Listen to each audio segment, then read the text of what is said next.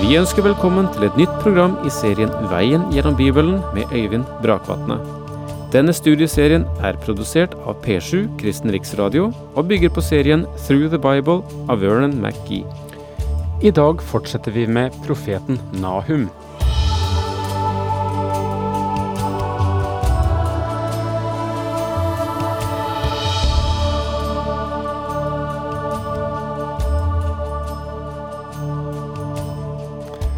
Velkommen eh, til eh, et skrift igjen i Det gamle testamentet. Vi avsluttet eh, første Johannes brev sist, og begir oss nå inn igjen blant de som vanligvis kalles for små, de små profetene. Nå er de ikke små annet enn i størrelse på sine bøker for det er eh, ruvende skikkelser i historien. Og hadde vi fått sett dem i ly av sin samtidshistorie, hadde vi forstått at dette var menn med autoritet og med en stor betydning. Vel, i alle fall, profeten Nahum Noen av mine nærmeste de erter meg at uh, når jeg begynner på en ny bok eller et nytt kapittel i Bibelen, så sier jeg ofte at det er den største bok eller det mest fenomenale kapittel i Skriften. det, det sier jeg kanskje litt for ofte, men jeg må si at jeg, jeg er så begeistret for Bibelen, så, så, så Og jeg ser så mye stoff der, og så mye av verdi der, så så for meg blir det fengslende å gå inn i hvilken som helst bok, hvilket som helst skrift du finner, både i Det gamle og Det nye testamentet. Men eh, da får jeg vel si åpent at denne lille Nahums bok kanskje ikke er den største bok i Bibelen. Men jeg eh, firer ikke på at det er en betydningsfull bok og den er Guds ord på en helt spesiell måte. Og jeg tør si at det ikke er så mange som har hørt en preken fra den lille boken til profeten Nahum, men eh, denne boken har likevel fått en ufortjent stor oppmerksomhet fra mennesker som har ganske ytterliggående ideer om profeti. Disse sensasjonshungrige profetpredikanter Eh, ville ha oss til å tro at Nahum profeterte om bilen, når det i annet kapittel står at vognene er som flammende fakler, som det står i det fjerde vers. Det henviser selvfølgelig ikke til bilen, noe vi vil se når vi kommer til dette avsnittet. Men det vi virkelig har i Nahums bok, er en sterk og overraskende profeti men en profeti som tiden synes å ha løpt fra.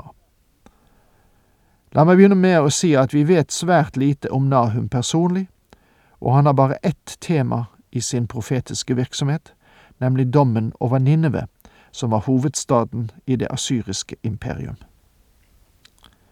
Det er alt hans profeti handler om, og den er allerede fullbyrdet. Så hvordan kan denne boken være meningsfull for oss i dag? Hvordan kan den passe inn i vår felles og samtidige kultur? Har Nahum et budskap for oss?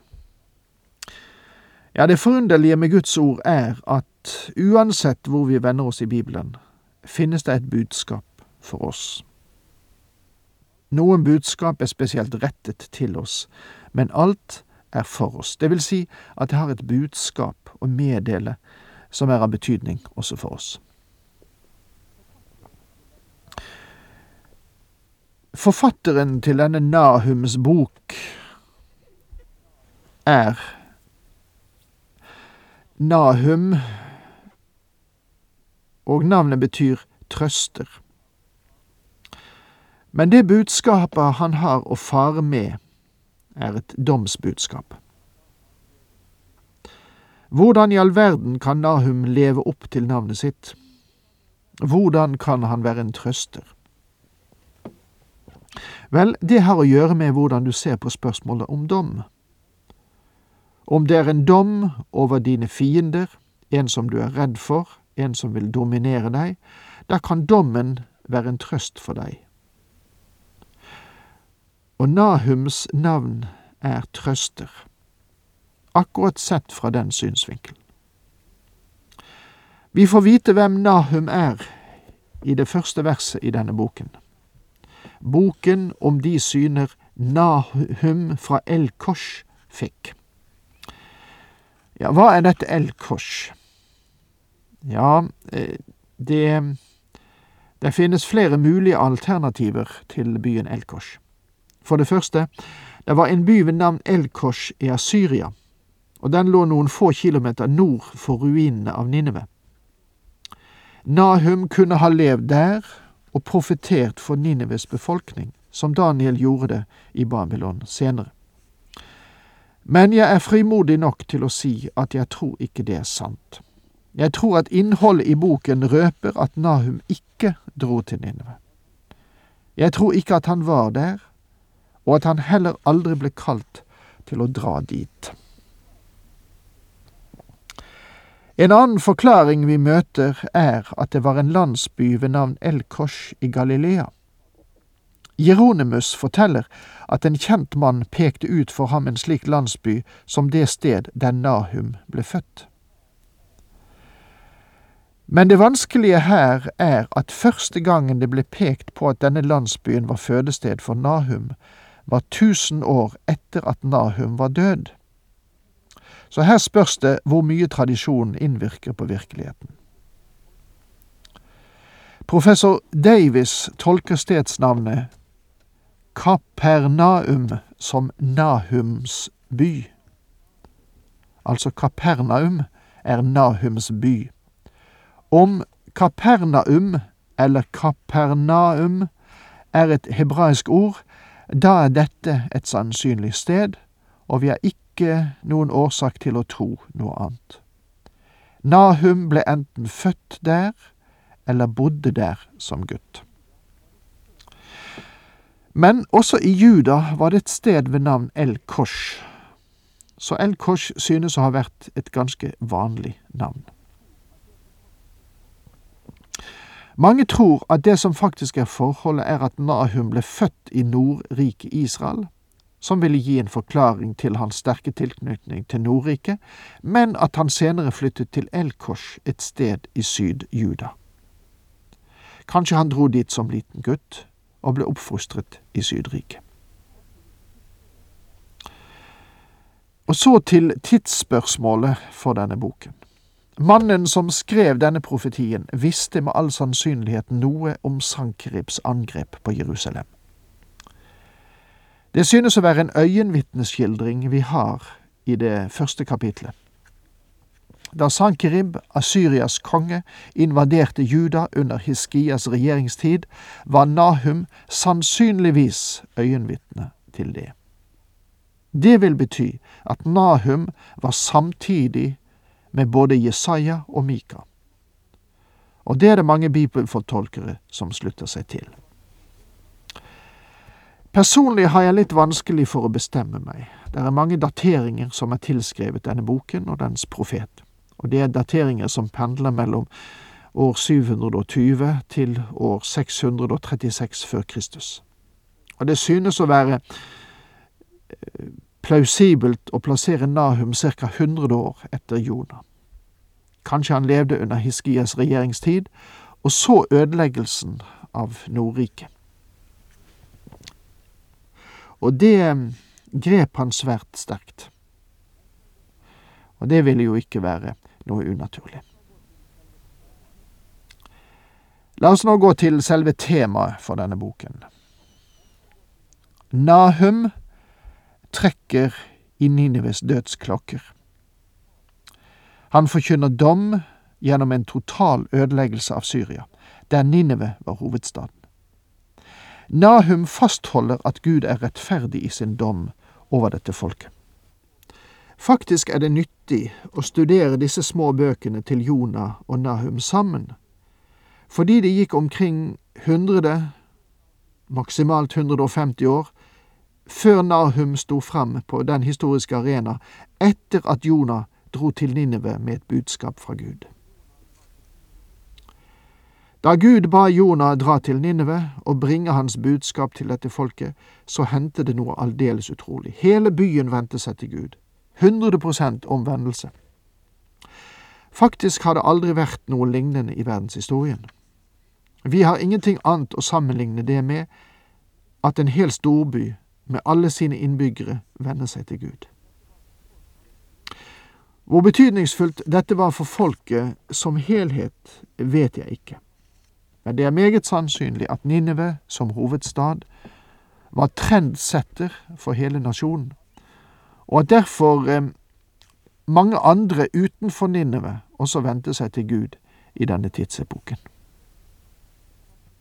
Men spørsmålet reiser seg naturlig. Hvordan gikk det videre? Varte det? Ble dette folket et gudfryktig folk?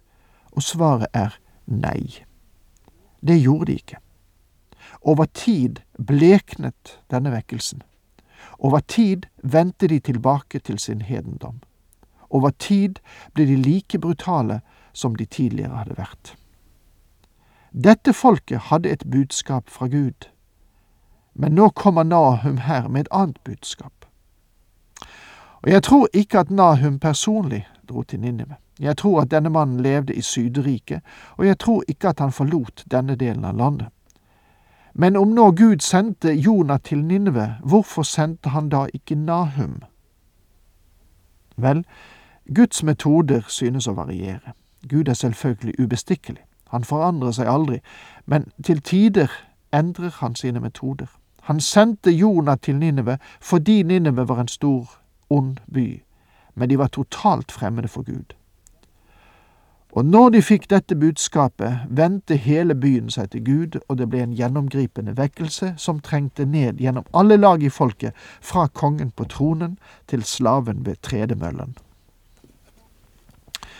Og som et resultat av denne vekkelse sparte Gud byen. Nå er det gått hundre år omkring det.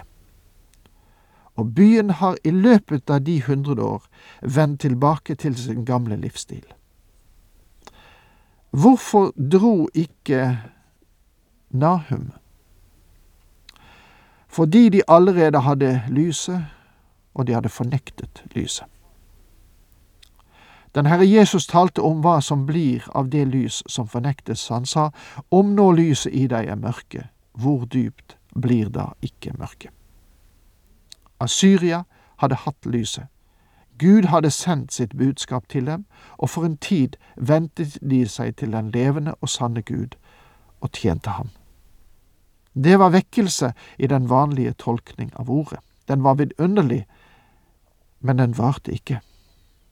Er ikke det av og til en del av vekkelsens historie?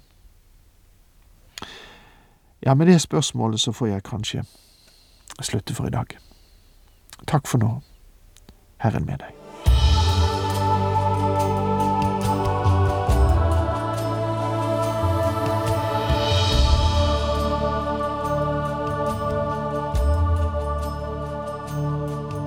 Du hørte Øyvind Brakvatne i studieserien Veien gjennom Bibelen. Serien bygger på et manus av Vern McGee. Har du spørsmål eller kommentarer til programmet, kan du sende en e-post til vgb krøllalfa p7.no. Takk for i dag, og på gjenhør.